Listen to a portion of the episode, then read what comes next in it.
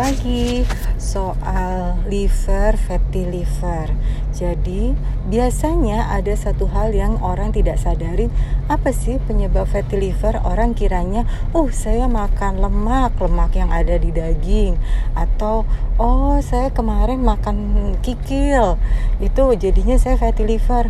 Padahal salah satu pembuat fatty liver adalah buah di dalam buah itu ada fruktos, di mana fruktos itu diolah langsung di liver. Sedangkan kalau yang lain-lain kayak glukos, kayak jenis-jenis sugar lainnya walaupun sama-sama berbahaya, tapi mereka tidak langsung menuju ke dalam liver. Sedangkan kalau fruktos dia langsung menuju ke liver. Betul buah itu sehat, tapi kalau over, akibatnya fruktosnya akan menumpuk di dalam liver. Harusnya fruktos di dalam liver itu dicacah oleh enzim sehingga dibawa ke darah. Akhirnya memberi kesehatan pada tubuh kita. Tapi bukan kesehatannya, memberikan energi pada tubuh kita. Tapi kita kan makhluk rebahan ya. Kita kan nggak mungkin ngepel rumah sendiri santai uh, yang bener-bener sampai grobios. Yang kita ngepel pakai tongkat. Zaman dulu ibu-ibu kita pakai tangan lalu kita juga kadangkala lebih baik nonton uh, Korea lah, nonton TV lah dibanding harus turun naik tangga masak atau yang dan lain-lainnya. Jadi memang kita sebetulnya diciptakan menjadi makhluk bergerak, tapi kita memilih menjadi makhluk rebahan. Nah, akibatnya kita nggak butuh energi banyak kan? Karena kita nggak butuh energi banyak itu, si fruktos dikembalikan lagi ke liver. Penumpukan akhirnya mempengaruhi triglycerid mempengaruhi juga yang disebut tadi fatty liver. Kalau fatty liver di Indonesia itu biasanya dari fruktos. Kalau di luar negeri itu biasanya dari alkohol. Sama, sama-sama konsepnya seperti itu. Tidak tergunakan oleh energi akibatnya menjadi gendut. Sorry, menjadi fatty liver. Nah, ciri-ciri fatty liver itu nggak kelihatan. Dia bisa dibilangin kayak sudden disease. Nggak kelihatannya kenapa? Sebenarnya cuma kelihatannya adalah di perut. Makanya saya selalu bilang ukur ingkar lingkar perut. Ukur lingkar perut. Karena apa?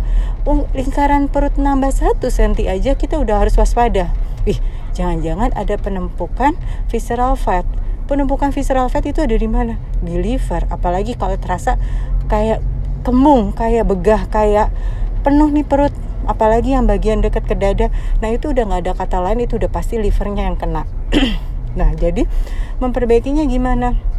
Di dalam liver itu dia berhubungan langsung dengan yang disebut dengan bladder. Bladder itu apa bahasa Indonesia apa?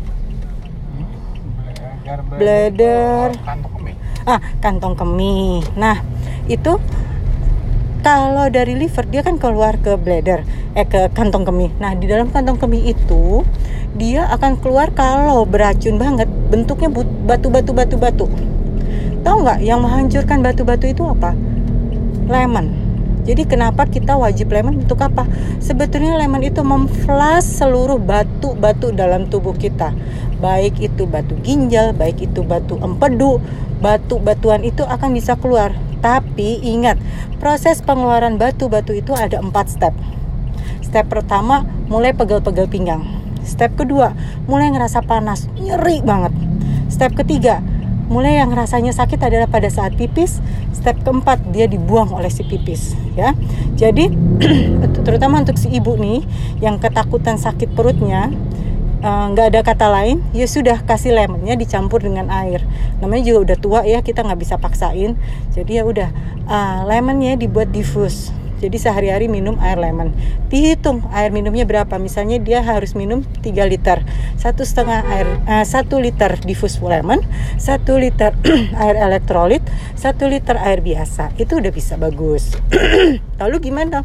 Uh, tadi sebutan saya soal green tea nggak boleh di awal karena apa?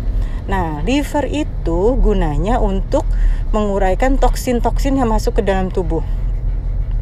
Jadi kenapa salah satu juklak di loh satu adalah apa?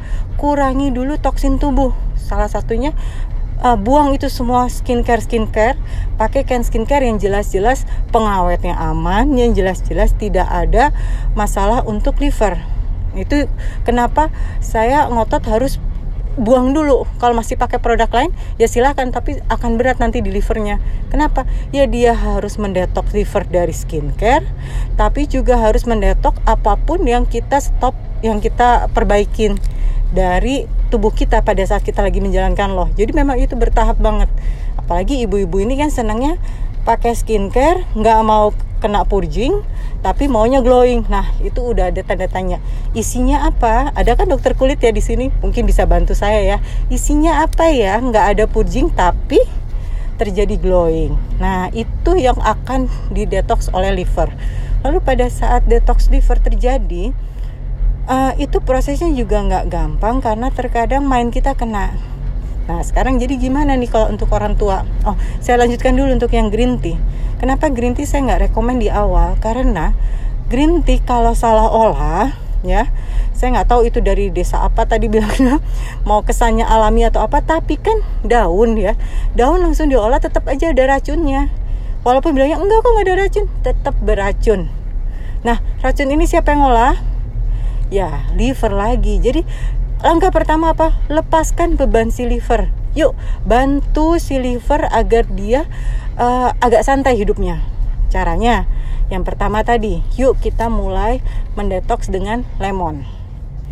Kalau nggak mau lemon pagi nggak apa-apa, campur sama air deh. Campur sama air seharian. Dah biarin aja dulu. Yang penting uh, tujuannya tercapai. Walaupun kita puter-puter dikit. Kan saya juga kalau ke kalian juga suka puter-puter kan ya. Nah, lalu lepas semua periksa sabunnya apa, pembersih rumahnya apa, uh, karbopelnya apa ganti semua kalau bisa ada probiotiknya kenapa karena bakteri-bakteri itu akan membantu uh, proses liver sehingga liver agak teringankan bebannya lalu periksa senang makan buah nggak nih buah-buahan stop dulu ya. Nanti kalau misalnya dia marah-marah bilang lah terus saya dapat dari mana uh, seratnya ya makan sayur aja yaitu cruciferous. Ya jadi bisa tanya nanti sama kacenya buah-buah uh, apa sayur cruciferous itu apa? Itu bagus sekali untuk pengganti buah. Karena tadi tahu ya bahayanya fruktos kita jangan dulu bebani dengan liver dengan fruktos ya karena makanya heran kan pertama kali tes kok mild loh sekarang kok udah naik ke grade 1 biasanya nih orang-orang zaman dulu wah kena liver. Langsung makannya stop nggak mau makan daging-dagingan gantinya buah-buahan. Wah itu sama aja. Makanan yang beracun akibatnya perut nggak sembuh yang ada makin sakit. Ya jadi uh, itu. Lalu suplemen tadi udah disebut basic 3 wajib dan si limarin itu untuk membantu detox Lalu MCT itu sebenarnya untuk memberikan energi tubuh. Jadi tubuh jangan pakai energi dulu dari liver deh biar liver istirahat yang kayak gitu-gitu. Jadi banyak tadi saya udah kasih list uh, apa suplemen apa aja yang diperlukan sama liver. Sesuaikan dulu deh, belum tentu ibunya langsung mau. Yang pasti basic tiga dulu, itu pun bertahap. Misalnya gini, dua minggu pertama pakai gluta. Kita lihat dulu sehari dua, pagi malam satu-satu ada uh, trouble nggak? Kalau nggak ada lanjutkan jadi dua kali dua. Karena udah usia segitu wajibnya tinggi ya. Dua kali dua. Udah. Nggak ada masalah Masih. lagi. Yuk kita lanjutkan ke vitamin D. Vitamin D seawal mungkin sepuluh ribu. Karena di awal kan ya saya nggak tahu udah minum belum. Kalau udah minum nggak apa-apa tapi biasanya uh, sebaiknya sepuluh ribu. Lalu habis itu ini yang berat probiotik. Probiotik dia harus bisa memperbaiki uh, perut, memperbaiki apa bukan perut, lingkungan gut, lingkungan di dalam gutnya itu gimana? Kalau selama ini dia makan fruktos, bakteri yang tumbuh di situ adalah bakteri yang bisa hidup dalam fruktos. Nah, bakteri yang bisa hidup dalam fruktos bukan bakteri yang baik. Bisa disebut candida. Nanti bisa dicek ya lidahnya putih atau enggak. Nah, kalau udah seperti itu ya berarti mau nggak mau harus probiotik yang uh, strainnya banyak yang jumlah bakterinya lebar banyak. Jadi bisa menggantikan isi perut yang kacau balau. Itu paling sebulan dua bulan udah gitu nggak apa-apa pakai probiotik biasa lagi ya. Jadi uh, karbo harus mulai dihindarkan. Boleh makan karbo dari sayur buah kalau bisa eh buah sama sekali nol dan sugar sama sekali nol ya. Jadi itu dulu ya. Ya makasih. Sehat selalu